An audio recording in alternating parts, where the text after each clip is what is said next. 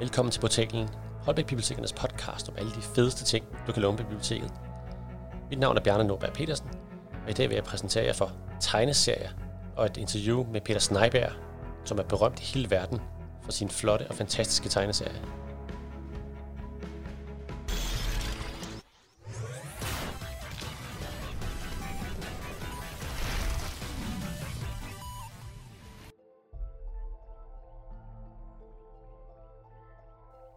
Tegneserier har været populære i Danmark siden 70'erne, selvom der var en del modvind i starten, da de dukkede op på bibliotekets hylder. Titler som Tintin, Lucky Luke og Asterix kender alle og elsker for deres helt egen specielle stil. Men det har været lidt stille på tegneseriemarkedet de sidste 10 år. Mange har været pludselig populært, men forsvandt fra butikkerne lige så hurtigt, som det var dukket op. Der stoppede med at udkomme oversatte klassiske tegneserier fra Europa også. Men det har heldigvis ændret sig nu.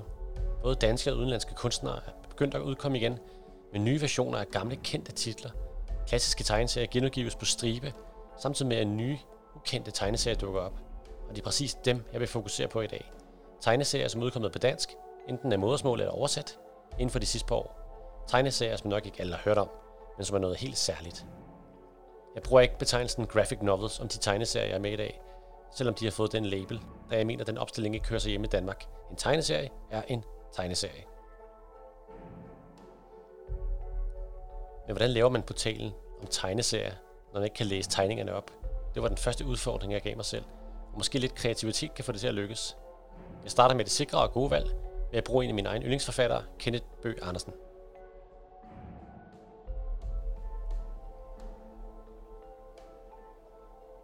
Man ser et hus i mørke. Kun et par få lys lyser det op. Tegningerne er sort-hvid. Simon sidder i sit rum. Meget dårligt belyst med en enkelt lampe foran en slukket computer. Han sidder med sine regnestykker og ved at regne brøker. Men hvad så med Simon og hans tanker om, hvad han hørte tidligere? Hvordan slipper vi for ham? Simon ser dyster ud. Han skriver hen til et billede af ham og sin bror Tim. Man fatter ikke, at de to er tvillinger. Døren går op. Tim kommer ind, og man kan se på døren, at der står mit værelse ingen adgang. Jeg skulle sige for mor, der er mad, Simon vender sig ikke om. Har du ikke lært at banke på? Eller læse? Simon går til skrivebordet. Nej, hvad laver du? Matematik. Den første opgave er totalt åndssvag. Er du stadig den første opgave? Skal jeg hjælpe dig? Nej. Det er faktisk ret nemt. Du skal bare... Hørte du ikke, hvad jeg sagde? Jeg har ikke brug for din hjælp. Simon skubber til Tim. Slap dog af. Jeg vil jo bare... Skrid, Tim! Fint, så vær på den måde. Hvorfor skal du altid være så skide underlig, Simon? Prøv da at være lidt normal en gang imellem. Simon skubber til Tim igen. Hvorfor skal du altid være så skide? Tim skubber tilbage, brager ind i bordet og vælter alle papirerne og et billede på gulvet. Tim klapper af ham. Flot, Simon. Virkelig flot. Simon kaster en bog med Gullivers rejser efter ham. Morens stemme lyder ned fra køkkenet. Har du sagt til din bror, der er mad, Tim? Ja, men han skulle lige lave lektier, så han kommer nok først om en uges tid. Så så du. Skal du ikke hjælpe ham? Desværre, mor. Simon er der ingen der kan hjælpe.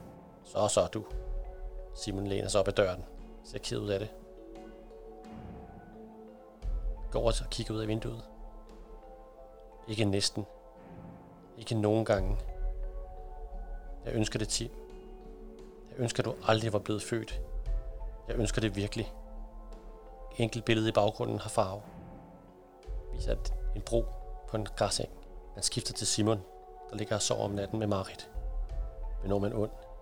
Er man ond, når man ønsker sin bror væk? Ja. Er jeg ond? Ja.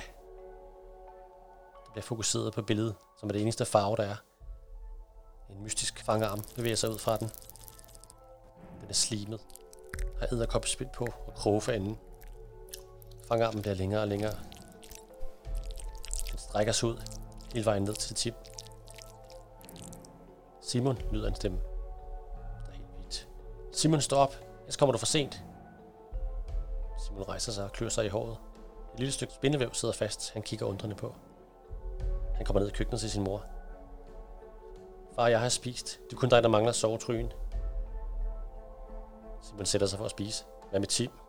Hvem? siger hans mor. Simon undrer sig. Kigger over på køleskabet, hvor der hænger et par gamle billeder. Han finder et billede, hvor de er på skiferie kan huske det tydeligt. Moren siger, sikke en udsigt. Og faren siger, lad os tage et billede af os alle sammen. Og de stiller sig op. Sætter billedet på automatik og tager et billede. Men Tim er væk fra billedet. Simon kigger op på deres krus. Der hænger tre. Far, mor og Simon. Han kigger op på kalenderen, hvor de altid har fødselsdag samme dag i august. Der står kun Simon og hænger tre flag. Han løber ind på Tims værelse og råber Tim, kigger sig omkring. Men det er ikke længere Tims værelse. Det er en sygstue. Der hænger også et billede. Hans far og mor med en enkelt baby. Ham.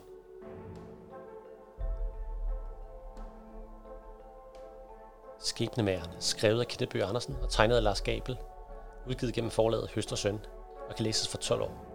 Det handler om fantasy, søskende, ondskab og parallelle verdener. I den her historie findes der et parallelt univers, som kan fange børn og få folk i vores verden til at glemme, at de overhovedet eksisterer. Simon har altid følt, at han var lidt i skyggen af sin tvillingebror Tim, som altid har gode venner i skolen og er populær. Simon bruger tid på sit værelse med at læse.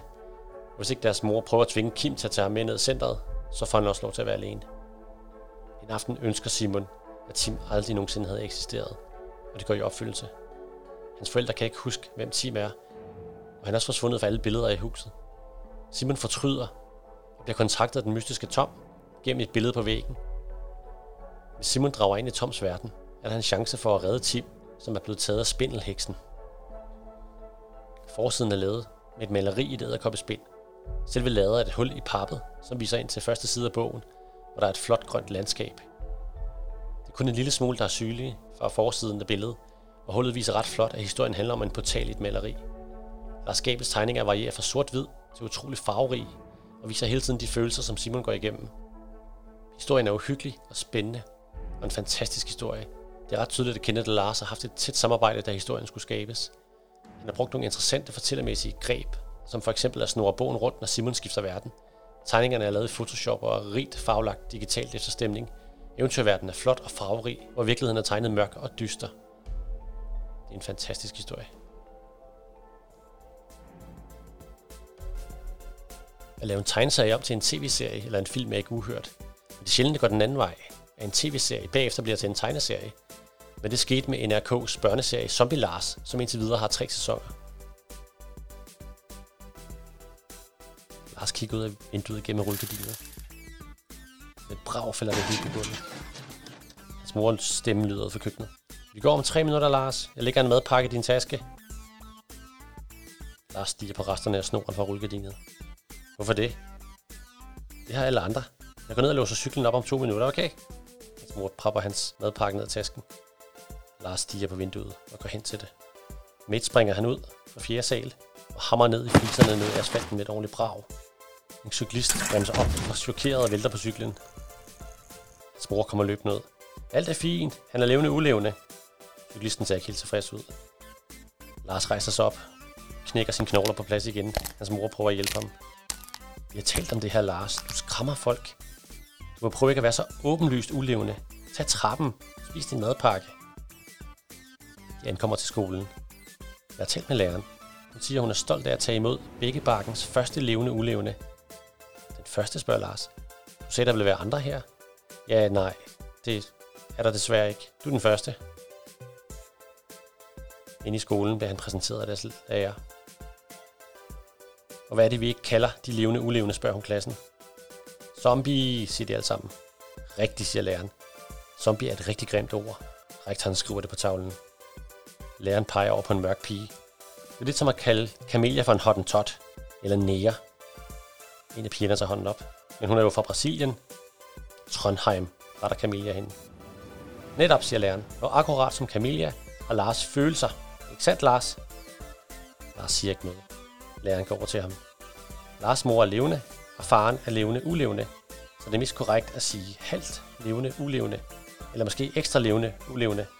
Jeg ved ikke, Lars. Hvad vil du helst kaldes? Lars kigger ikke op. Lars, svarer han. Vi skifter til skolegården efter timen. Hans klassekammerater efter ham. Skider du også? Sover du, spørger en anden. Hvad sker der, hvis nogen stikker dig med en kniv? Idiot, siger den fjerde. Han kan jo ikke dø. Må vi dræbe dig? Eller? Helst ikke, siger Lars. Eleverne ser en bil, der kommer kørende i fuld fart. En af dem tager fat i Lars og skubber ham ud foran bilen. Bilen bremser så hurtigt den kan og dytter. Men Lars rammer lige ind foran den. Skifter til kontoret. Lars snakker med rektor.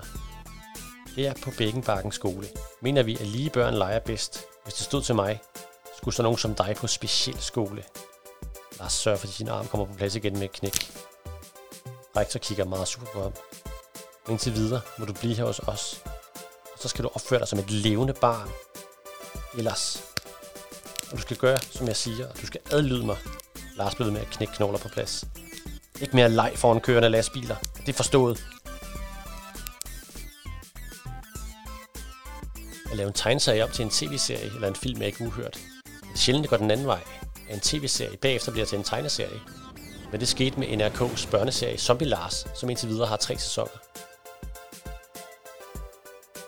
Zombie Lars Ben 1 er baseret af en tv-serie af Thomas Seberg Thorjusen og Gisle Halvorsen, illustreret af Kim W. Andersen, oversat af forlaget Turbine og kan læses for 8 år. Det handler om venskab, forelskelse, zombier og mobning. Zombie Lars foregår i Norge, men en verden, hvor der findes overnaturlige væsener, som bor blandt almindelige borgere i byen. Går i skole og døjes med almindelige hverdagsproblemer. Zombie Lars sig zombie, eller levende ulevende, som man kalder det, og zombie er jo et grimt ord. Faktisk er han kun kvart uddød, og hans mor er et almindeligt menneske. De flytter ret meget, fordi Lars bliver drillet, og historien starter da også, da Lars skal starte i en ny skole i byen Bækkenbakken. Som eneste levende ulevende i byen er det svært, og hans nye klassekammerater dræber ham der også på første skoledag. Heldigvis er han allerede død, og det sker der jo ikke noget ved. Han overvejer at stikke af til Detroit, og zombierne haver. Man møder pigen Anna, som er ninja. Sammen får de et noget specielt venskab, som måske bliver til en spirende forelskelse. Tegningerne er meget stemningsfulde og flotte. Der sker nogle pludselige sceneskift mellem sider, som man lige skal vende sig til, men det sløver ikke historien ned, tværtimod. Det er set før, at børn med mystiske evner går på skoler. Men det fungerer ret godt med en zombie, en heks og en ninja som venner. Tegneserien tager nogle alvorlige emner op omkring mobning og fremmedhed på en ret god og sjov måde. Der er kun kommet en enkelt tegneserie med Zombie Lars på dansk, som dækker de første seks episoder af serien. Men jeg håber, der vil blive oversat flere, for der er allerede udkommet fire tegneserier i Sverige og 39 episoder på dansk tv. Dum, han kan ikke dø. Hvad hvis man ser hovedet af dig? Må vi prøve at slå dig ihjel? Helst ikke. Kom nu. Jo, må vi ikke nok? Okay. Den kommer der.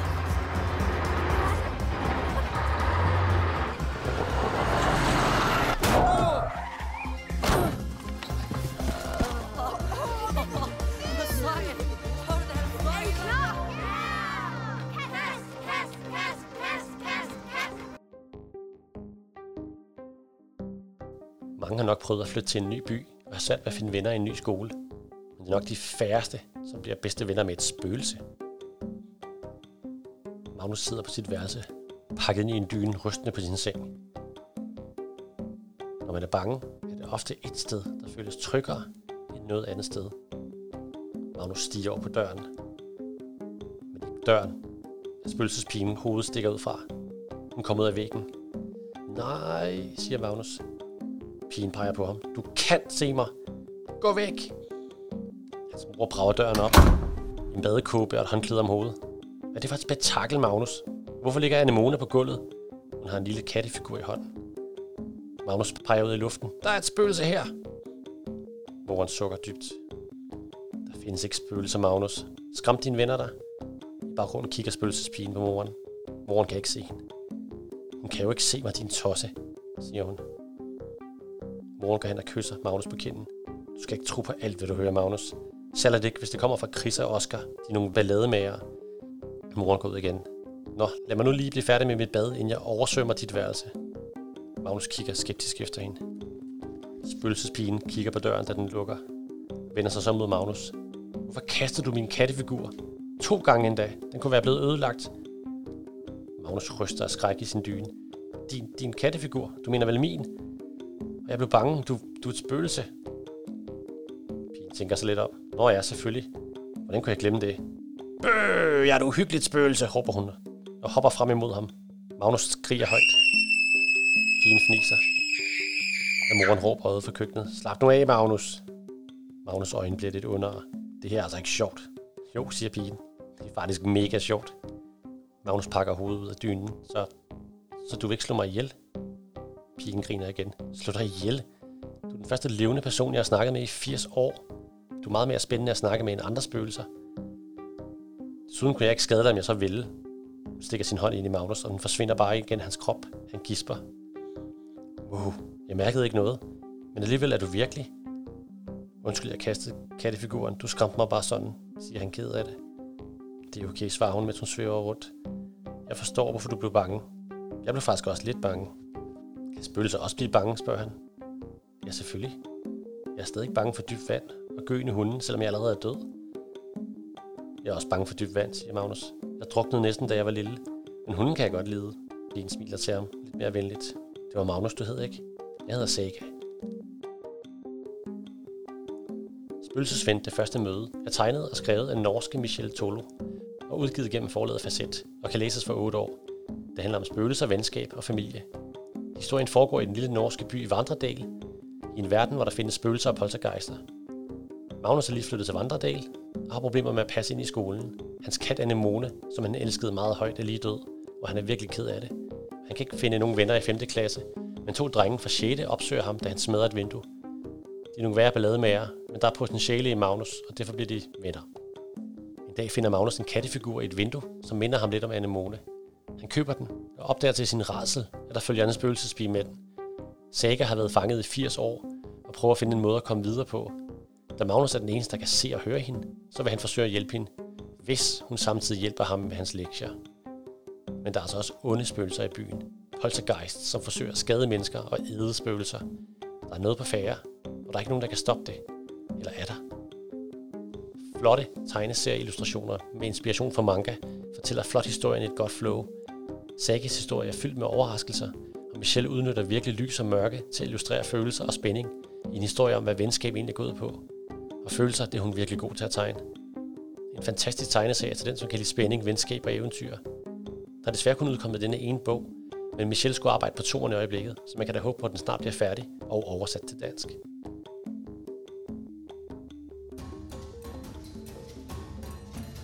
Peter Snejbjerg er nok mest kendt for sine tegninger med Batman og Hellblazer, han har også skrevet manuskripter til Anders Sand, og i 2018 dukker der en overraskelse op, som hedder Ork Sagaen. Store, tunge støvler løber hen over en mark og smadrer alle blomsterne. Udfarven er grøn. Zoom op. Jeg kan se, der står en hel hær af orker, og en enkelt ork, der løber imod dem. De kommer, råber han. Lederne af orkerne træder frem. Arret og grim. Hvor mange er der? Øh, svarer orken. Han får en knytnævstil lige i fjeset, så blodet sprøjter. Kan du ikke tælle dit svin? Mm. Ved Torgas stinkende indvolde. Hvad skal jeg stille op med sådan en flok forpulede klapskaller? Din elendige mad, ikke? Hvordan har du tænkt dig, at jeg skal kunne besejre vores fjender, hvis jeg ikke engang ved, hvor mange der er? Og der er ikke en eneste skiderik til stede, som kan tælle. Græstak bare sætte mig i krig med en flok udulige, hjerneløse umbaltøj. Jeg kan tælle, lyder en stemme. Lederen vender sig mod en meget spinkel over, der ser glad ud. Dig. Og hvem er så du? Mit navn er Balbok. Og du påstår, at du kan tælle Balbok. Ja, jeg... Han nok at sige mere, for han får en albu i siden. En lettere buttet ork smiler og siger, Hør ikke på ham, Girkas. Alt, hvad han snakker om, er det rene snosh. Ja, så. Hvor ved du så det fra, om jeg må spørge? Det er fordi, jeg er hans bror. Mit navn er Rammer. Hvad er det for en mani med at præsentere sig? Bare I holder kæft og slås, som I får besked på, så vil jeg skide på, hvad I hedder. Hvad rager det mig i ynkelige slimorme? Kan ham bøndestagen til? Ja eller nej? Nej, svarer Rammer. Ja, svarer Bolbok. Hvad skal det betyde? Prøv at tage pis på mig, skriger lederen. Vel kan jeg det til, siger Balbok. Vel kan du ej, siger hans bror. Kan jeg da så? Nej, du kan ej. Kan jeg så? Se, råber jeg dem. Luk så låget for helvede. Balbok begynder at tælle på fingrene. Vores stilling består af 28 mand. Fraregnet vores anfører, Girkas, det bliver til 52 fødder og 48 øjne, når man fraregner de amputerede og dem med kun et øje. Godt, siger chefen. Du har overbevist mig. Skrub afsted og find ud af, hvor mange gnomer der er. Og dig rammer. Du kan holde ham med selskab. Ej, siger den tykke ork. Den store Girkas, hvorfor skal jeg? Chefen drøber ham i ansigtet. Og de to tager afsted. Rammer brokker sig på turen. Elendig afkom af en endnu elendigere Mathor. Se nu bare, hvad du har rudet mig ind i. Vi er nødt til at vade afsted begge to.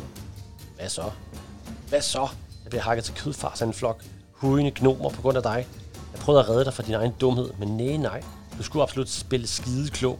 Hvad kom du ud af det? Nu sidder vi begge to i snorks til halsen. Men det var jo ikke mig, der bad dig gå med. Tror du ikke, jeg så, hvordan du glodede på mig med de her hundeøjne? Hele mit liv har været sådan. Bare fordi vores møders ophav tilfældigvis spyttede mig ud i samme snorl som dig. De to går gennem skoven. Begynder at lyde trummelyde. Men kun en anelse før. Som om det har gjort nogen forskel. Jeg burde snitte dig op og fodre dødvandrene med dine dampende indvolde, så du en gang for alle kunne lære. Stop! Hører du det? Jeg knomer, siger Balbok og får endnu en gang en albu i maven. Jeg ved udmærket godt, hvad gnomer er, jeg rammer. Men hvor kommer deres trommer fra? Det er svært at afgøre. Det overpeger Balbok. Jeg kan lugte dem. Du mener, men du kan lugte dem, dit fjols. Gnomer eller ej, ingen kan lugte så langt. Jeg må tage et kig, og ved dig, hvis du har bundet mig en trold på ærmet, så skal jeg personligt sørge for, at du aldrig lugter noget igen. De to orker kæmper sig gennem vildnæsset og torene. Rammer sidder fast med sin fod og prøver at trække det fri. Trommerne bliver højere.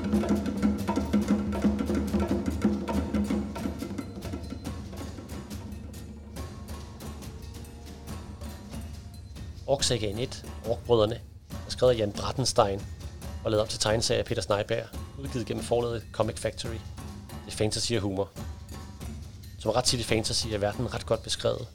Orker, dvæve, elver og mennesker, de har alle sammen deres navne for verden. De har store slag og onde troldmænd, som er forvist for de levendes lande. Elverne bor i perfekte, rene bygninger, og det keder deres ypperste præstinde, som først rigtig dukker op i andet bind. Og hovedpersonerne er de torske dumme orkbrødre, Valbok og Rammer. Som alle orker har de svært ved ikke at få bank og blive slået ihjel af både fjender og andre orker. Og derfor kræver det altså noget snille og gode evner til at gemme sig for at overleve. Historien starter, da de to orkbrødre overlever et slag mod gnomer og vender tilbage uden deres leders hoved. Orkerne har nemlig traditioner for, at hvis en leder dør, så skal man have hovedet med tilbage. Derfor bliver de dumme orkbrødre sendt ud igen, denne gang for at finde hovedet. Det giver ret mange problemer, især de finder ud af, hvem der har hovedet, og hvad han vil tvinge dem til, for de kan få det igen. Peter Sneiberg har tegnet en ret voldelig tegneserie med hint af nøgne elvere, men på trods af beskrivelsen bliver det hele sat i en humoristisk ramme og uden for mange detaljer. Historien ender på et niveau, hvor de ældste børn godt kan være med og more sig over de dumheder og den konstante toilethumor, orkerne udsætter os for. Orksagen er en tegneserie, skrevet om efter de tyske romaner af Michael Peinkofer. Jan Brandenstein har fået de lange romaner skrevet om, så de passer bedre til tegneserieformatet, og Peter Sneiberg så har tegnet dem. Det lyder måske rodet, men det virker faktisk ret godt. Der er udkommet tre tegneserier i Orksagaen. Orkbrødrene, Shakara og Orkieren.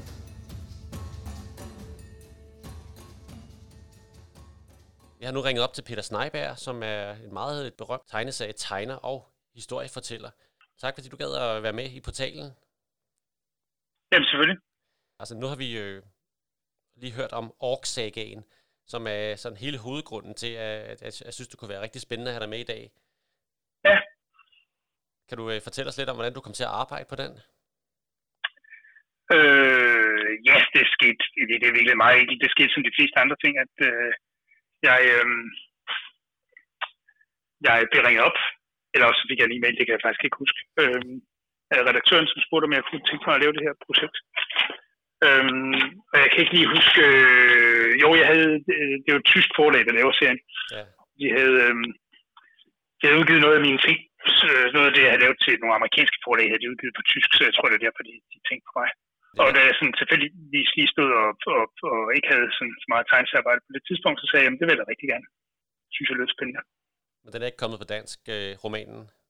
Hvilken? Nå, nej, nej, nej, nej, det er rigtigt. Nej, de, den er, ja, det er rigtigt. De er baseret på nogle øh, tyske fantasy-romaner. Nej, de er ikke kommet på dansk, tror jeg. Øh, jeg tror forfatteren, øh, Michael Peinkofer, jeg tror, der er nogle af hans øh, ungdomsbøger, hvis nok, der er oversat til dansk. Og så han er ikke helt udkendt øh, danske biblioteker? Ah, jeg tror ikke, han, altså, han er jo nok ikke så stort et navn herhjemme, som han er i Tyskland, men, øh, men øh, ja, det, det ved jeg faktisk ikke. Det ligger lidt uden for mit, øh, mit område, må man sige.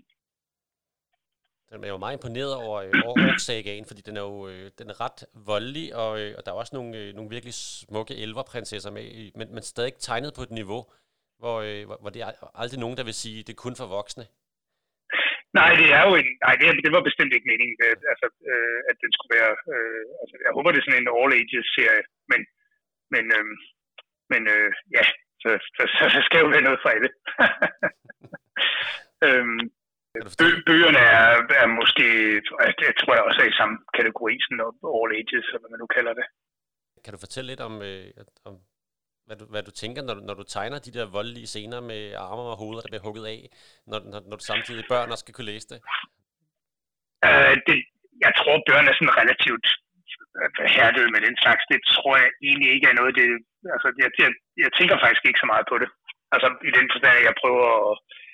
Øh, altså, det er også, det er også en lille smule... Øh, det er jo en lille smule cartoony samtidig, ikke? Altså, det kan godt være, at den er voldelig, men det er jo ikke, det er jo ikke sådan... Øh, langstrakte sekvenser af folk, der bliver øh, torteret eller et eller andet. Det er jo sådan, det er jo sådan noget relativt sjovt øh, øh, Tom og Jerry-agtig fantasy-vold, hvor, øh, hvor øh, folk hugger hoveder og arme og ben af hinanden. Det, hvis det havde været en, en realistisk krise, for eksempel, så ville jeg nok have behandlet det på en anden måde.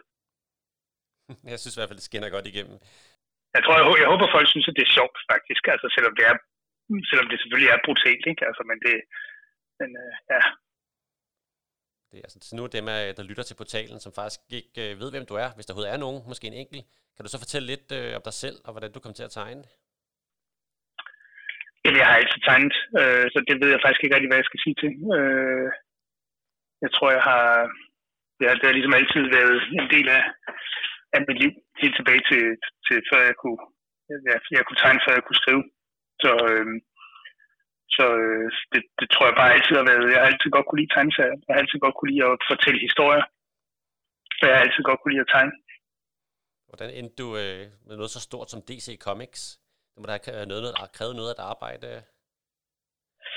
Ja, ikke, altså på det tidspunkt, hvor vi, øh, hvor jeg arbejdede for, øh, eller kom til at arbejde for DC Comics, som jeg gjorde en, en, en overrække, der var det sådan relativt nemt at komme ind på det amerikanske marked.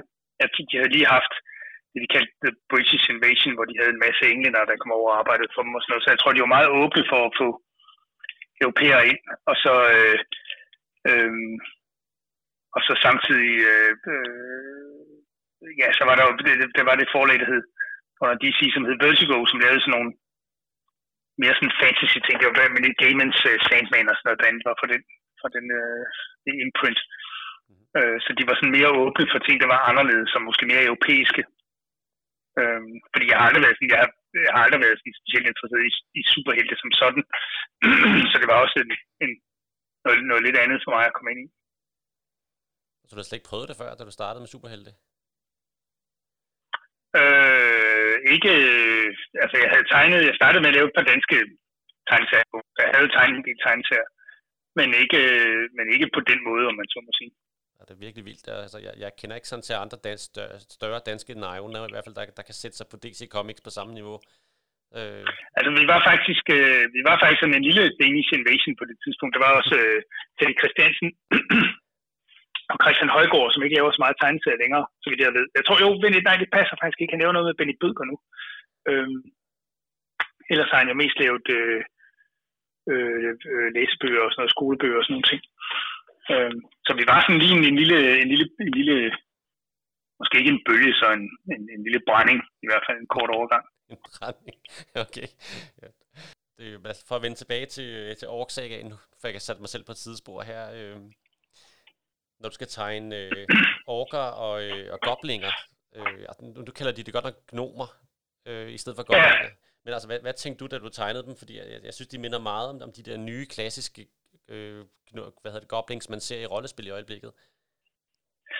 Øhm, ja, jeg, øh, altså orkerne er jo orker, ikke? Altså der, der, det er jo efterhånden sådan, fantasy er jo lidt sjovt, fordi, fordi fantasy-publikum, på trods af, at genren hedder fantasy, så kan de være sådan ret konservative i, hvad tingene må være. altså går orker og orker og, og, og dværge og dværge og sådan noget, ikke? De har ligesom deres, øh, der er ligesom sådan nogle ting, der efterhånden er nærmest etableret omkring dem, så man kan ikke, man skal i hvert fald vide, hvad man gør, hvis man går imod folks forventninger. Øh, men de der øh, goblin-gnomer øh, var en, en ting, som jeg ikke rigtig helt... Øh, det var ikke sådan en ting, jeg havde... Øh, jeg tror, jeg tror måske min inspiration var måske i virkeligheden de gamle, øh, de der fra øh, Gremlins, de gamle Gremlins-film. Oh, ja. øh, lidt, altså det er måske lidt den tanke. Jeg tror bare, jeg tænkte bare, at de skulle være anderledes. De skulle ikke kunne forveksles med nogle af de andre væsener, så de skulle være radikalt anderledes. Og så skulle de bare være så ubehagelige, som jeg overhovedet kunne, kunne gøre dem. Så de blev mere sådan en, de, de er jo sådan en slags piranhaer, der lever på land. Øh, det, det synes jeg lidt... Øh... nu siger det, kan jeg slet ikke se andet, når jeg sidder og kigger i den, den der bølge af goblinger, der bare kommer væltende med deres ulvefær. Ja, ja, ja, ja. Og det er, det er en meget god øh, beskrivelse. Det, men jeg synes også, orkerne, altså, det, det normalt klassiske blik er, at alle orker er store og stærke og seje. Men så har du fundet to hovedpersoner, som er, som er tyk og dum og, og høj og ranglet. Øh, det. Ja, det lå ligesom, det lå selvfølgelig i, i hele konceptet fra begyndelsen af. Det er jo ligesom deres, øh, det er jo ligesom hele, hele humoren i serien kommer jo af, de her to orker ikke er særlig, de er, ikke, de er ikke særlig orkiske, faktisk. De er ikke, de er ikke særlig gode til at være orker. De er, nogle, de er lidt nogle, øh, ja, de er sådan lidt mislykkede. De, de passer ikke ind rigtig i, i ork-samfundet. Øh, og det synes jeg er en vældig sjov idé. Og så er det jo sjovt, det er jo sjovt at tegne ekstrem anatomi, og enten det er monstre, eller det er, eller det er sådan ekstreme kropstyper, det er jo altid sket. Altså. Hvordan kombinerer du så øh, fra bog 2, når, øh, når, når, de, når de så faktisk begynder at rejse sammen med, med den meget hvad hedder det, smukke elver, elverprinsesse, eller elverpræstinde er hun, øh, sådan så der både er orkernes vildskab og elvernes ynde i samme billeder? Ja, det er jo, jeg prøver bare at gøre det så godt jeg kan, tror jeg. Øh, altså, øh, elver er jo også ligesom, ligesom de andre fantasy-figurer, så er der jo efterhånden så meget sådan, de, de, det er jo blevet meget, øh, det er jo blevet meget sådan øh, øh, låst i virkeligheden, hvad, hvordan, hvordan de ser ud også. Ikke? Så det, det, øh, der er lidt grænser for, hvor meget man kan, hvor meget man kan træde uden for det, medmindre man igen øh, øh, virkelig sådan gør opmærksom på, at nu, nu overtræder man de der uskrevne regler, der efterhånden kommer. Men det er ret sjovt at se, for eksempel, hvis man går tilbage og kigger på øh, illustrationer til Ringenes Herre fra før filmene, ja. øh, så, er det, så er det jo en meget, meget videre øh, fortolkning af, hvordan hvad for eksempel overgår er og sådan nogle ting. Det, det er meget mere, øh, det er meget mere et åbent spørgsmål. Det, det er ligesom filmen, og måske også de der, øh, måske også Johnsons and Dragons og, og brødrene Hillebrand tilbage i 80'erne og sådan noget, som lavede sådan nogle designs, der ligesom blev, der ligesom på et eller andet tidspunkt blev, så var det sådan tingene så ud. Øh, hvilket jeg på en måde synes er, altså det, det, det er jo meget sjovt, når man, når man laver parodier på det, men, men det kan måske også gå godt nogle gange, kunne man måske godt ønske, at, at der var lidt videre, øh, Ja, det er sgu ikke. Plads til lidt variation. Ja, det er lidt, altså, øh, altså jeg, jeg, jeg synes jo, det interessante med overgården, det er jo, at de i virkeligheden er, at det, de er vandskabte. Det er det der, ligesom at der, der, der, der findes ikke en, en, en, en, et, et, et, et rigtigt udseende til en, til en ork, fordi de er jo sådan en slags, øh, de er jo en slags vandskabte mutationer i virkeligheden. Ikke? Det synes jeg er en, en væsentlig del af det. Den klassiske forside, må jeg ikke indrømme, fangede mig så hurtigt, jeg ikke engang opdagede, at det var din tegnestil, da jeg, da jeg så den første gang. Jeg var da lige gang ja. læse den, før jeg tænkte, nå ja, det kender jeg da. Det synes jeg var lidt interessant. Ja, det, ja, ja. Du er nok ret i det klassiske, det er bare det, man er vant til at se. Jo, jo.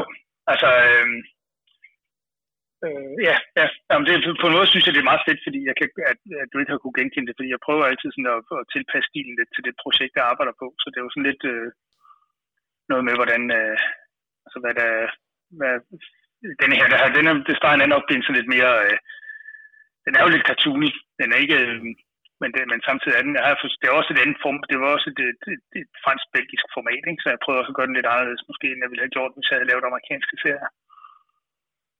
Det, det skal jeg da holde øje med næste gang, jeg, jeg ser nogle nye serier, du tegner, og tænkte, om du fik mig igen, eller om jeg genkendte det. ja, ja. Det er godt. Ved du, hvor, hvor mange der kommer i alt i Orksagaen? Altså, der kommer fire, øh, at, at der er planlagt. Altså, historien, den her historie, den, den som, som er den første bog, der er beskrevet, den, den dækker ligesom de, de fire, øh, altså, den, den, den dækker de fire albums, så. Øh, kommer der så flere for de andre bøger? Der, jeg tror, der er et par stykker, kunne jeg se på tysk i hvert fald. Altså, lad os sige det på den her måde, det vil komme ind på, hvor, øh, altså, det vil jo komme ind på forlaget, ikke? om de synes, det er værd at, at kaste penge efter. Øhm, forløbig så, at, og, og det er jo også en, altså det er jo en tegneserie-albumserie, er jo også et, et stort arbejde, så denne her har jo været undervejs i, ja, jeg kan ikke huske, hvornår jeg startede på den, men jeg tror, det er lidt fem år siden, så det er også, det er også et stort arbejde at lave, så, øh, øh, men, men hvis der er nogen, der vil, vil, vil finansiere det, så vil jeg det synes, det vil være fedt. også mig. Jeg vil sidde og glæde mig til det. Nu kan ja, jeg, kan desværre ikke læse tysk, så jeg kan ikke læse det på forhånd, så jeg bliver nødt til at vente. Nej, det er, ja, det er rigtigt. Det, det kan man sige. Det er så en af ulemperne. Øh, ja. ja. Øhm, Hvad tegner du så på nu, eller planlægger nu, hvor, øh, når orksagaen slutter? Øhm, ah, men lad os lige afslutte den, før vi... Lad os lige... Øh, lad os nu ikke skyde skinnen, før, før den er fanget, eller hvad det er, man siger. Fordi det, øh, der, er, der er et stykke vej nu, før firen den er færdig. Den er vi kun lige begyndt på den. Øhm, men øh, ja, der er et par andre projekter i støbeskeen, som vi må se, hvordan det går med. Er der noget, du kan afsløre? Nej, ikke fordi det er så langt væk endnu, tror jeg. Der er en, en, et amerikansk forlag, jeg arbejder for, hvor jeg laver nogle gyserpaudier, som jeg håber at få lavet færdig til næste år. Øh, så kan det være den... Øh, det kan være, jeg ved ikke, om vi kan være heldige at finde en dansk forlægger til den, måske når den, når den til sin tid er blevet færdig. Øh, og ellers har man jo altid en masse projekter liggende, som, som måske bliver til noget, og måske ikke. Det kommer lidt an på... Ja, det kommer an på så meget, ikke? Ellers så det sidste, jeg lige har læst, det er Karoline Sternfelds øh, øh, Strunse og Mathilde, men det er selvfølgelig, der er vi selvfølgelig over i voksen-genren. Ja. Øh, Jeg så dronningen næsten lige er kommet. Øh, ja, ja, ja, ja. den skulle tage lidt en, Den har jeg fået læst. en speciel øh, drejning. Altså fået mere humoristisk drejning og mere flotte, klare farver. Øh, altså, ja, hun har virkelig ændret sig. Ja, farvelærkningen har ændret sig noget, ja. ja. Men jeg tror også, hun havde haft, øh, det kan man også se, det står også bag, hun har haft forskellige til at hjælpe sig med farverne. Øh, de bliver meget flotte, synes jeg. Det, det er en hele taget, er hun fæ- fænomenalt dygtig, jo, altså. Jeg ved faktisk, øh, at hun øh, har lavet øh, sådan skjulte referencer på, på, på forsiden og på billederne rundt omkring med, med hint til andre ting. Er det sådan noget, du også gør Ja, med det- dine tegninger egentlig? Øh, en sjældent gang imellem. Det, det, det sker. Det er ikke, jeg tror for eksempel ikke, jeg har gjort det i år, så igen, tror jeg egentlig ikke. Og så gættede, Øhm. gættede du allerede, hvad mit næste spørgsmål var der. Ja, øhm, jeg kan faktisk ikke huske det. Det sker en gang imellem. Det vil faktisk være oplagt. Det burde man jo gøre, når man... Øh, måske også fordi det sidste, det sidste album, der, der var, var der jo kun ligesom hovedpersonerne med næsten. Så det, der har ikke været så meget mulighed for at putte andre figurer ind. Men det, øh, men det vil jeg da bestemt overveje her til firen, når der begynder at komme nogle anonyme overgår med igen. Det kunne være meget sjovt. jeg kommer til at bladre den igennem og lede. Ja, jamen, det vil jeg lige prøve at kigge på. Helt fantastisk. Men øh, tak, Peter, fordi du gad at være med på talen. Jamen selvfølgelig. Dystopier ser man ret ofte i tegneserier. Og det må være sjovt for tegnerne at finde på detaljer i smadrede byer, og de mange muligheder, der er for at fortolke. En af de mere interessante versioner bliver portrætteret i serien Alene.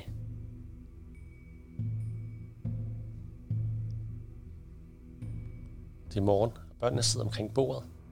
Camilla er ved at skære brød til morgenmad. Ivan går rundt med et stykke papir.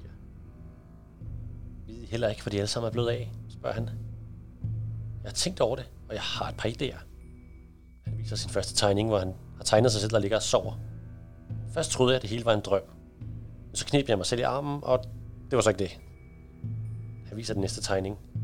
Og han ser desperat ud, mens en masse kamerafolk peger på ham med kamera og griner. Så kom jeg til at tænke på, at det kunne være skjult kamera, hvor man får os til at tro, at det hele bare er blevet borte. Bare for at se, hvad de vil gøre. Tror du det, siger Camilla. Ja, det kan være, at millioner af seere kigger på os lige nu. Jeg zoomer ud til haven, hvor Camilla desperat skriger. Så har de alle sammen set mine underbukser nede ved springvandet. Leica krydser armene hen over kroppen. Nej, mine forældre vil aldrig være gået med til det. De hader reality-tv. Ivan peger på en ny terning, og han har tegnet en dinosaur, der er ved at blive ramt af en komet. Jamen, så kan det være, at der er sket noget med alle menneskerne, som det gjorde med dinosaurerne. De forsvandt jo alle sammen på en gang for vildt længe siden. Camilla rækker fingrene op, mens hun spiser sin bolle. Dinosaurerne forsvandt ikke på én gang. De døde altså bare. Arkeologerne har fundet deres skeletter. Ivan smider papirerne for sig. Måske var det skeletter af børnedinosaurer, de fandt. Unger, som var blevet helt alene tilbage og døde af sorg. Du, de ser ikke helt overbevist ud. Har du ikke nogen bedre forslag? Jo, der siger Ivan, og man zoomer helt ind på hans ansigt. Jeg har et sidste forslag. Billedet bliver helt mørkt. Det var os, der døde i nat. Og nu er vi kommet i helvede. Der bliver helt stille omkring morgenbordet. Den lille Terry begynder at græde. Det er ikke sandt. Jeg er ikke død. Han græder videre. Ducci ser vred ud nu. Jeg tror altså, jeg foretrækker den med dinosaurerne. Terry går hen og slår Ivan. Au, vent, det var bare forslag. Der er dine dumme forslag. De stinker af lort. Ducci rejser sig fra bordet. Nej, det må være noget andet. Jeg vil lede videre ud i byen. Leica vender sig mod ham. Går du helt alene? Jeg foretrækker, at I bliver her. Det er måske farligt. Alene 1. Borte. Er skrevet af Fabian Vellmann og tegnet af Bruno Gassotti. Udgivet gennem forlaget Carlsen og kan læses for cirka 10 år. Det er spænding og science fiction. Historien starter i vores verden, med biler og tog og travle hverdage, med arbejde og fritid. Men pludselig en dag forsvinder det meste af jordens befolkning. Ingen tegn på, om de er døde eller bortført. De er bare pludselig væk. Serien følger fem hovedpersoner. Den sjove og feje Ivan på 9. Den friske, optimistiske drengepige Leica på 12. Den gavmilde og velopdragende Camilla på 8.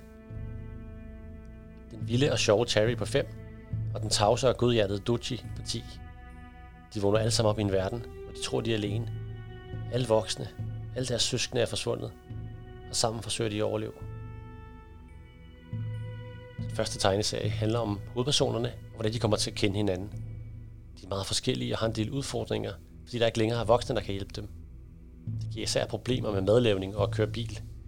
For at gøre situationen endnu værre, begynder der at dukke dyr op i byen, som næsehorn og tiger. Bruno Cassotti kører en typisk fransk belgisk streg, hvor linjer og farver er helt perfekte. Børnene er meget forskellige og utrolig menneskelige på hver deres måde. Forsiden er tegnet, med tegneseriens emne i fokus på en hvid baggrund. Giver en ret god idé til, hvorfor serien hedder Alene. På den første bog ser man Doji stående undersøgende med en kølle foran et blodspor. Alt andet er hvidt. Det er en fantastisk effekt. Historien kan måske godt lyde som en horror science fiction med elementer fra fluernes herre, men historien er spændende og interessant på et helt andet niveau, så de yngre læsere godt kan være med. Der er ingen forklaring på, hvor de voksne og alle deres venner er blevet af i de første par albums, men der kommer jævnligt hen. Der er indtil videre udkommet ni tegneserier i alene, men 12 er udkommet på fransk, og serien skulle ende et sted mellem 18 og 20 bind, og jeg håber, de kommer til Danmark snart. Jeg synes, den er... Jeg synes, den er... det- Jeg kan godt lide den der... Øhm, hvad hedder sådan noget? Øh, Palle alene i øh, verden præmis. Øh, men men øh, det, det synes jeg er en, en god idé. Øh, med børnene, der ligesom er efterladt alene i verden. Øh, men jeg må sige, jeg har ikke læst den, jeg har ikke læst den i sammenhæng, så derfor er jeg lidt, lidt forvirret over, hvad der foregår i den, når jeg, når jeg læser den. Men, øh, men det er nok, fordi jeg ikke får læst den fra begyndelsen af. Og det ved jeg ikke, jeg har læst tre af dem indtil videre, og jeg er stadig ikke forvirret, hvor det foregår. Så, Okay, ja, ja. Altså, det er måske noget, den deler lidt med sådan nogle serier som Lost og sådan noget, at, at, at øh, det er præcis, at man ikke ved, hvad der foregår helt, og lige bliver Ja. nysgerrig. Jeg tror faktisk, du har ret i det.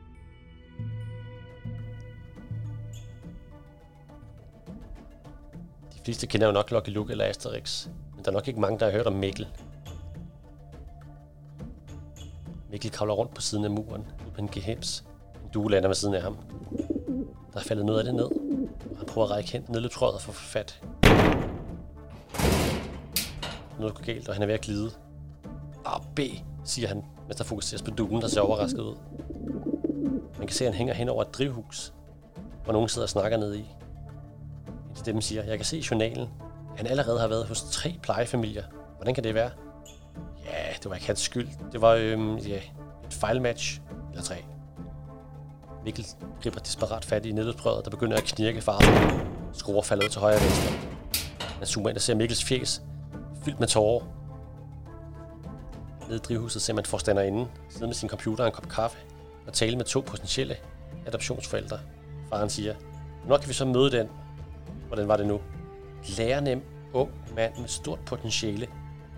Godt almen helbred og god mundhygiejne er perfekt til førstegangsforældre. Han lægger et stykke papir fra sig. Forstanderinden siger, ja, han dummer nok snart ind. Nedløbsbredet er ved at knække med Mikkel lige hen over drivhuset. Billedet skifter til et smadret drivhus, hvor forstanderinden sidder meget vredt og stiger på Mikkel. Der ligger glasko overalt. Nå, siger hun. Så vil vi jo nok ikke adoptere Mikkel, går jeg ud fra. De to forældre kigger på hinanden. Åh, det er vel ikke så slemt. Børn har jo brug for at brænde noget krudt af. Sådan er det jo. Forstanderinden er i chok. Både hende og Mikkel har fået plaster i ansigtet. Er det rigtigt? Ja. Ja da, siger manden. Vi bor alligevel i stueetagen. Det går nok. Øjeblik, siger forstanderinden. Jeg kommer straks igen. Hun går ind i huset og lukker døren. Man kan høre svagt høre hendes stemme derindefra. Yes, yes, yes, yes, yes, yes! Adoptivforældre og Mikkel kigger lidt nervøst på hinanden. Forstanderinden kommer ud igen. Nå, men angående de skader, jeg søn har forsaget her i dag, hun hoster. Vi skal have repareret glasskader, skader på murværk og rør, skader på gulvet. Så skal der gøres rent, lægges nyt tæppe, og ledningsnettet er nok beskadiget, og mit tøj også. Uh ja, det skal sendes til kemisk rens. Jeg får sikkert også brug for en del krisehjælp. Måske et kurophold på Maldiverne. De to forældre ser meget nervøse ud nu. Nå, men jeg sender en regning, har I andre spørgsmål? Faren lænder sig frem. Det kan forsikringen ikke den slags. Garanteret. Helt sikkert. Ret sikkert. Hvor sikkert? Ret. Så du aner det ikke? Slet ikke. Adoptivmoren lænder sig frem. Jeg har et spørgsmål. Ved I noget om, hvem, hvad der er blevet af Mikkels forældre? Det ved vi ingenting om, svarer forstanderinden. Hvad, siger Mikkel? Jeg har altid sagt, de var døde. Forstanderinden ser lidt nervøs ud nu. Nå ja, jo, jo, det er de også. Jeg tog fejl af dem og, og nogle andre.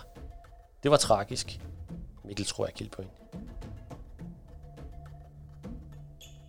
Mikkel 1 sted uden konsonanter MKKL1. Urtiden stinker. Er skrevet af Bryce Kosu og tegnet af Oliver Bucket.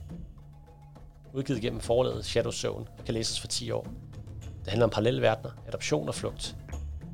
Mikkels historie foregår halvt i vores verden og halvt tilbage i urtiden. Den 13-årige Mikkel er forældreløs og forsøgt at blive adopteret tre gange. Desværre er det gået galt alle gange, og Mikkel gider altså ikke en fjerde gang. Han finder ud af, at hans forældre måske stadig er i live, og hvor han blev fundet som barn. Derfor stikker han af og forsøger at finde dem. Desværre ender han efter en vild flugt tilbage i urtiden, hvor de mennesker, han møder, har meget svært ved at forstå ham. De bruger ham først som lokkemad, men snart viser hans evner for nutiden sig til at være nyttige, og han bliver en del af stammen. Historien er meget humoristisk og spændende, som en blanding af Crotch og den gode dinosaur. Tegningerne er meget tegnefilmsagtige, og med effekter fra manga, som beskriver actionfyldte scener og personernes følelser med store øjne. Bryce bruger nogle ret specielle filmiske tiltag for at beskrive scenerne, som f.eks. en slåskamp, som kun bliver vist hen over 12 nærbilleder af Mikkels ansigt som hæber. Genialt og ret sjovt. Det er set før med folk fra nutiden, som bliver fanget i fortiden, men det er sjældent så underholdende som historien om Mikkel. Der er udkommet to tegneserier om Mikkel på dansk indtil videre. Utiden stinker og ilddåben. Men lad os håbe på, at det bliver oversat nogle flere, for der er faktisk udkommet syv på fransk allerede.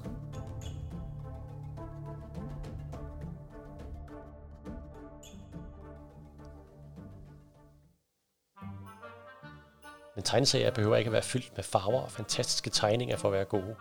Nogle gange er det minimalistisk tegning og meget, meget få detaljer i baggrunden rent faktisk nok.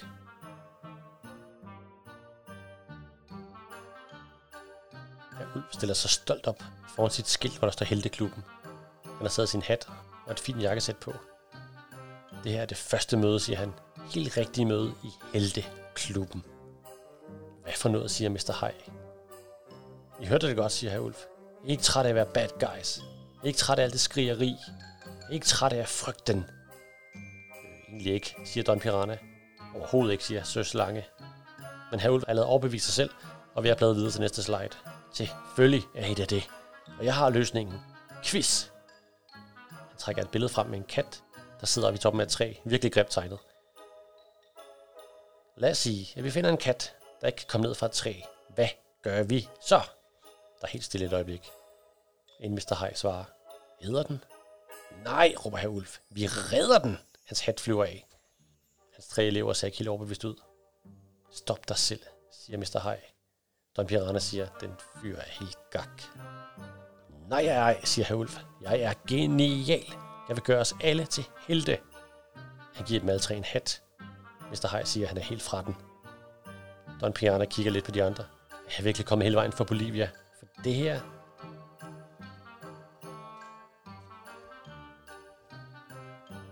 Bad Guys nummer 1 gør en god gerning, uanset om de kan lide det eller ej. Er tegnet og skrevet af Aaron Blaby, udgivet gennem politikens forlag. Den kan læses for 9 år. Det er sjove bøger. Det handler om skurke og helte. I Bad Guys verden findes der kun dyr, som kan gå og tale. Fisk behøver ikke at være under vandet, og alle fangevogterne er aber. Sjovt nok viser høns sig at være ganske almindelige høns af en eller anden grund. Hovedpersonerne er her Ulf, som er træt af at være en bad guy. Han vil gerne bevise over for verden, at han faktisk er en helt, og derfor inviterer han Sir Slange, Don Piranha og Mr. Hej til møde. De fire misforståede væsener skal nu forsøge at være helte. Herr Ulf vil have dem først til at redde en kat fra et træ, og derefter til at befri alle hundene fra et hundefængsel. Men det er sværere for gruppen til at arbejde sammen, end herr Ulf faktisk forventede, og det giver altså nogle hyldende morsomme scener. Alle tegninger er i sort-hvid, undtagen baggrunden på forsiden, som er orange. Der er kun sjældne detaljer i baggrunden, og kun heltenes ansigter. og gøren bliver illustreret. Men det er nok til at fortælle en gakket og underholdende historie. Ulf taler nogle gange direkte til læseren, og teksten springer rundt på siderne i både snørklede vinkler og fed skrift. Bad Guys er ret sjov og med mange små referencer at fange. Historien er desværre hurtig at læse, men helt klart værd at læse flere gange. Der er kommet to bøger om Bad Guys på dansk. Nummer to hedder Har en utrolig god plan, som hænger i en søndsråd, og introducerer en ny skurk. Men der er kommet 12 bøger i alt på serien på engelsk, og jeg håber altså flere af dem bliver oversat.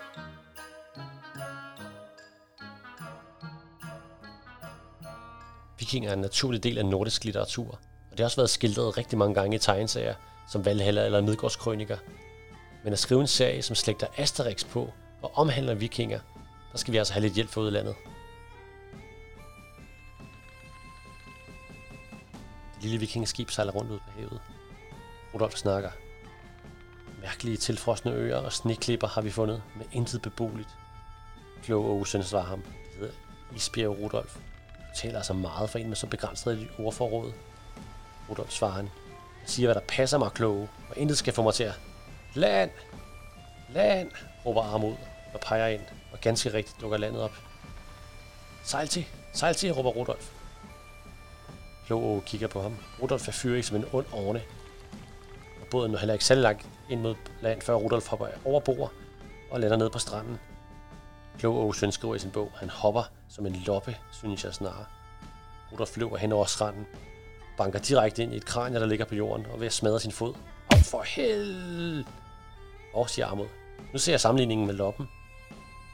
Klog søn kigger. Et horn i foden. Det skal man ikke kunne kæmpe sig af. Kraniet er for en ged. Rudolf hopper rundt og holder sig for foden. Au, au, au, au, au, for den hede hule. Au, au, au, au. Klog og søn skriver det ned i sin bog. Nå, vi var i gang med at erobre et nyt land, ikke sandt?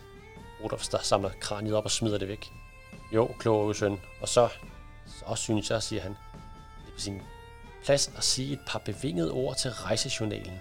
Amos stiller sig hen til Rudolf. Noget af et lille skridt for Rudolf, med et kæmpe spring for vikingigheden. Og, siger Rudolf, det kan jeg lide. Bortset fra, siger Armod, at det første Rudolf på øen sagde var af for hel. Og det er sandt, siger kloge søn. Det skriver jeg lige ned. Ikke super, men det går vel an. Ah, siger Rudolf, men lige lidt kloge søn. Vi kan vel finde på noget lidt mere helteagtigt. Han vifter desperat med armen. Sandheden, siger kloge søn. Er sandheden. Historien er historien. Hej, siger han. Hvorfor skal du sige sådan noget? Armod, han afbryder dem. Kom og se, det er fantastisk. De går alle tre frem og kigger hen over klippen. Fyldt for.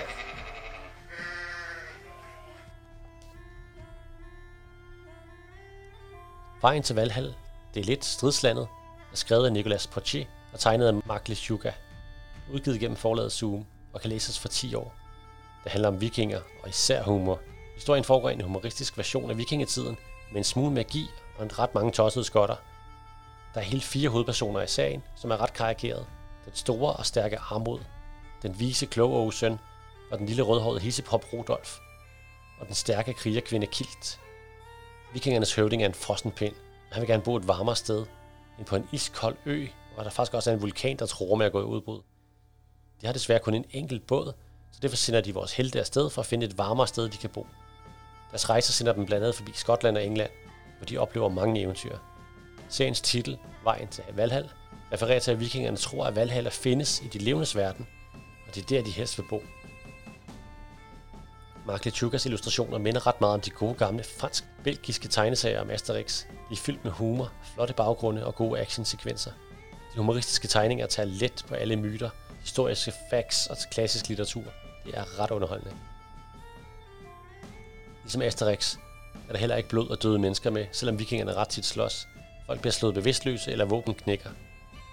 Det er tegneserievold på den bedste og mest kendte metode.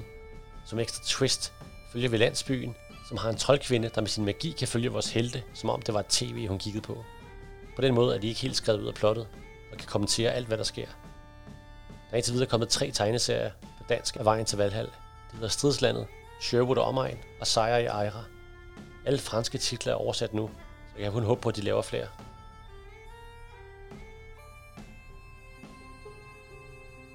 Der findes en del tegneserier med mennesker, som har fået superkræfter, men de fleste omhandler episke kampe, hvor jorden skal reddes. Derfor er det en lettelse at finde en serie, som går lidt mere ind i relationer og de gener og overnaturlige kræfter kan give for omverdenen. Der er helt hvidt. Et par nøgnefødder dukker op.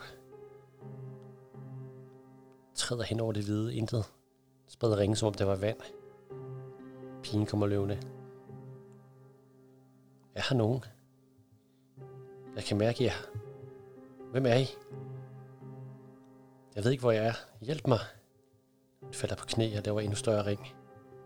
Vi er ikke nok. Hjælp. Den enkelte stemme lyder. Harmony. Pigen vågner op. Med et sæt sætter hun sig i den mørke kælder. Kun et enkelt sterinlys brænder. Hun bukker sig fremover, desperat. Bare et mareridt. Det bliver helt sort. Pigen vågner igen. Et elektrisk lys tænder fra loftet. Stemmen lyder. Hvis lyset er for stærkt, så kan jeg slukke det. En stor mand med hvidt hår og skæg stiller han bakke mad til hende. Her er noget, du kan komme til kræfter af. Hvad har du gjort ved mig, spørger hun. Manden ser spørgende ud. Hvad behar? Jeg... Jeg stikmærker på armene, siger hun.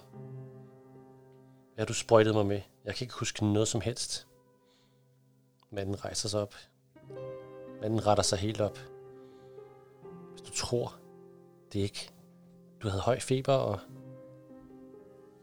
Jeg zoomer ind på pigens ansigt. Det sidder ligesom fast i mit hoved. Hvorfor er jeg lukket ind i en kælder? Hvor er jeg? Hvem er du? Det er klart, siger manden. Du har fået et chok, men du kommer nok snart til hægterne, hvis du sørger for at få hvilet dig og stiger vredt på ham. Du er i sikkerhed her. Så snart du er frisk igen, flytter jeg dig til et rigtigt værelse. Bare roligt. Det hele skal nok gå. Han lægger en hånd på hendes skulder. Rør mig ikke, siger hun. Og skutter sig væk fra ham. Undskyld, siger manden og tager to skridt bagud. Jeg vil ikke, jeg... Jeg kommer ned senere og hjælper dig op, hvis det er. Anstrengelsen af at flytte sig så kort for hende til at svede. Manden skynder sig op. Pigen prøver at gå. Se, siger. Du skulle bare være lidt tålmodig. Hun tager et par forsigtige skridt uden at falde. Jeg kan stadig ikke huske noget. Manden sidder på en stol og stiger på hende. Ingen gang dit navn? Nej, heller ikke. Hun bliver svimmel. Hvad der er i vejen, siger han og rejser sig. Den forbandede hovedpine bliver bare ved, og nogle gange er mit hoved ved at revne af det. Manden gør mine til at røre ved hende igen, men lad være. Læg dig igen. Du må hellere gå roligt. Ja, ja, fint. Hvorfor er jeg her? Og hvor længe har jeg været her? Jeg fandt dig bevidstløs for to dage siden ved klipperne neden for stien. Du må være faldet og slået hovedet. Du er heldig, at jeg kom forbi. Pigen ser desperat ud. Jamen, hvorfor fanden er jeg så låst ned i din kælder? Manden ser dyst ud. Jeg bliver nødt til at holde øje med dig. Men nu hvor du har det bedre, kan jeg komme til at underrette myndighederne. Har du ikke en telefon, siger hun. Har du ikke fået fat i nogen, mens jeg har været her? De må allerede tro, jeg er død. Nej, svarer han. Ingen telefon. Huset ligger ret isoleret, og... Ja, det er klart, siger hun. Og du bor vel alene? Jeg forstår godt, du er mistroisk, siger han. Sådan som det ser ud. I morgen flytter jeg dig op i et rigtigt værelse, ikke? Okay, siger hun og kravler op i sengen igen. Så længe det ikke er dit. Manden åbner et lille glas og rækker hende en pille. Værsgo, tag den. Den hjælper på hovedpinen. Harmony nummer 1 Memento er skrevet og tegnet af Matthew Rains, udgivet gennem forlaget Shadow Zone, og kan læses for 10 år. Det handler om overnaturlige evner og familien. Historien foregår i en version af vores verden, hvor der selvfølgelig findes superkræfter. Harmony er en ung, blond pige, som vågner uden hukommelse i en seng i en kælder. Hun er svag og hører stemmer om natten. En gang imellem dukker en skummel mand op og giver hende en mystisk pille. Der går ikke lang tid, før Harmony opdager, at hun er noget helt specielt – hun er i stand til at få genstanden til at svæve. Man ved ikke, hvorfor manden har låst hende inde. Der er meget, som ikke giver mening. Hvorfor har han ikke kontaktet politiet, hvis han har fundet hende? Passer det, at han ikke ejer en telefon? Matthews illustrationer er fantastisk flotte fra start til slut. Især Harmonys hår, når hun bruger sine kræfter, er tegnet, som man nærmest skal tælle alle hendes år enkeltvis. Forsiden viser hende med knyttede næver, og med utrolig blå øjne, som stiger på læseren. Omkring hende svæver flere genstande rundt, som bøger og knive, i en næsten 3D-agtig effekt. Ligesom serien alene, udnyttes den hvide farve for at tvinge mere opmærksomhed på pigen. Resten af historien er flot realistisk tegnet, med et par få, nærmest manga udtryk, når en af personerne bliver overrasket eller vred. Det er utroligt flot og spændende tegnet. Der er hele tiden spørgsmål, som læseren gerne vil have forklaret, og historien tager altså noget af et twist. Til tider vises personer fra flere tidsalder, som kædes ind i, i den samlede historie, men aldrig så det sænker tegneseriens rytme. Der er udkommet tre på dansk, som en sæson 1, Memento, Indigo og Argo. På fransk er der udkommet tre mere, så jeg håber virkelig, de bliver oversat.